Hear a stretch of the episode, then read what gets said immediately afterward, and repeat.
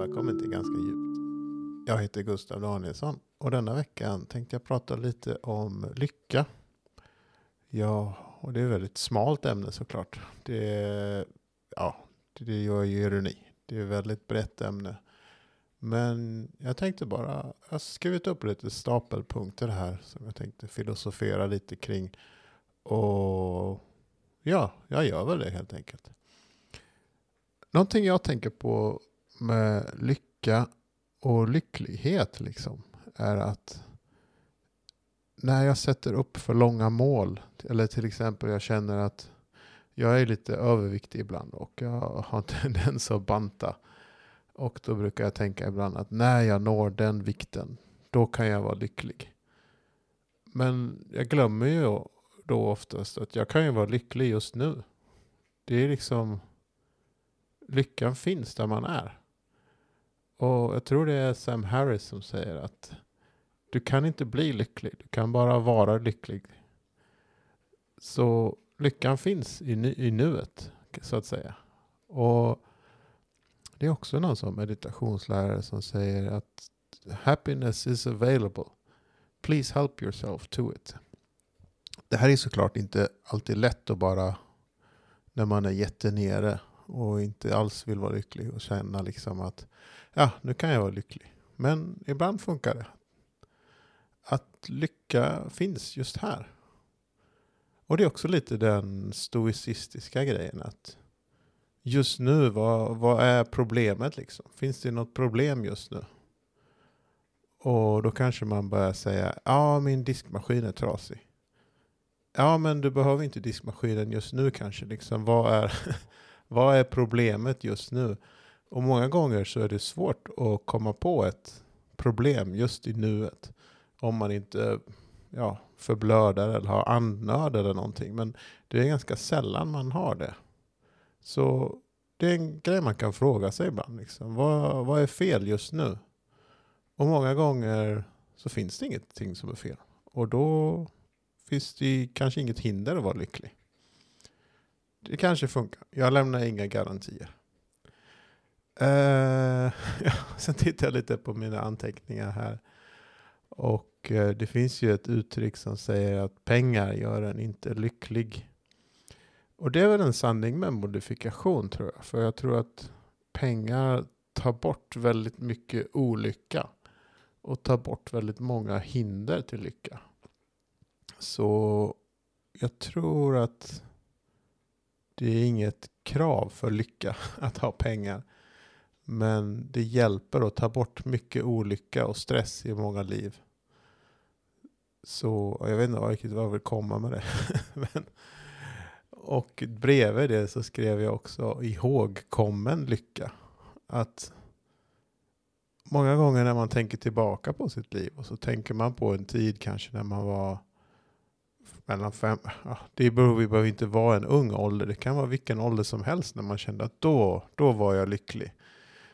Jag tror det är Andy i The Office som säger I wish someone would tell you that you are in the good old days when you are in the good old days. Uh, till exempel i mitt yrke, i flygyrket, så jobbade vi jättemycket för några år sedan.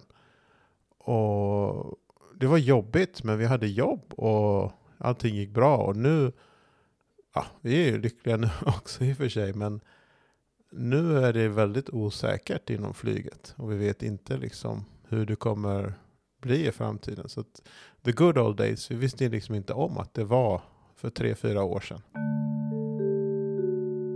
Egentligen vill jag bara mest komma igång med de här små kortisarna igen. Jag, jag känner att det är ett bra sätt för mig att skriva och tänka på.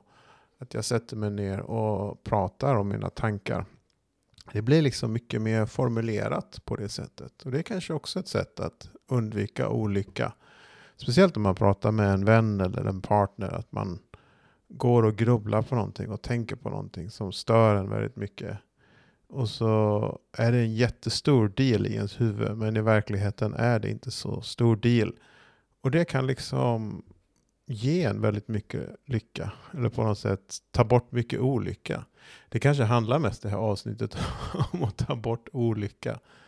Men eh, som sagt, det är lite off the, off the cuff det här och jag försöker eh, få det att låta lite spontant, vilket det är. Jag har bara lite anteckningar här. Så jag sitter mest eh, framför min dator med en kopp te som svalnar med honung i och den ser jag väldigt mycket fram emot att dricka. Och det är också en slags lycka att se fram emot någonting. Att vi har till exempel planerat en resa till Spanien om tre veckor. Och vi planerar den resan, jag och min fru, och det ger mig väldigt mycket lycka att se fram emot den här resan. Att komma ner till solen och veta att vi får äta god mat och vi kommer träffa vänner och vi har mycket planerat. Så ja, det är också någonting man kan ta lycka ifrån. Och sen kommer ju de här tillfällena kommer komma och vi kommer, det kommer vara problem och det kommer vara kul. Men jag känner liksom att lyckan i resan har redan börjat på något sätt. När vi planerar för den och ser fram emot den på något sätt. Och en annan grej jag tänker på när man... Nej, jag ska inte säga att jag är super spirit... Nej, jag ska inte säga spirituell, jag ska säga andlig. Eh, men det här med andlighet så finns det någonting som heter spiritual bypassing. Eh, jag vet inte om på svenska man kan kalla det för andligt bortkopplande. Och det kan vara när man, någonting stör en på något sätt. Och sen så hittar man liksom på anledningar att det inte stör en. Alltså, det finns ju den här klassiska mindfulness-grejen när man eh, på en tanke. Man tar en observationsroll för, för, för en tanke. Och så ser man hur den kommer, den går förbi och den passerar. Och det är ett sätt att hitta lugn och kanske en viss mån lycka.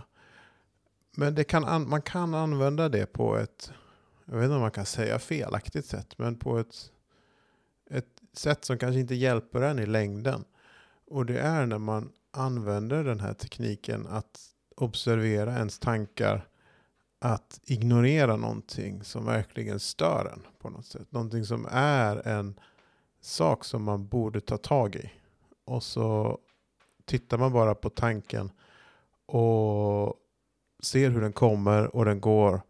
Och sen gör man ingenting åt det fast det stör en på något sätt. Och så kommer det tillbaka och så blir man väldigt duktig på att skjuta undan den här.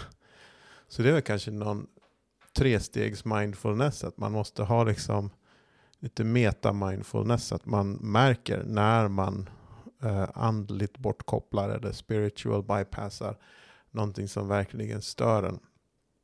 Som kommer tillbaka och gör en olycklig. Eller ja, det är väl i och för sig livet att handskas med problem och lära sig saker.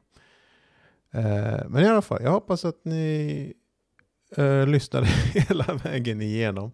Jag skulle gärna fortsätta med de här små snuttarna. Nu kom min katt upp på skrivbordet här och sniffsar på micken. Och min katt gör mig lycklig. Och jag tror jag avslutar avsnittet här. Och jag tackar er så mycket för att ni lyssnar. Och jag hoppas att ni har en bra januari och att våren blir fin för alla. Tack så mycket. Hej då!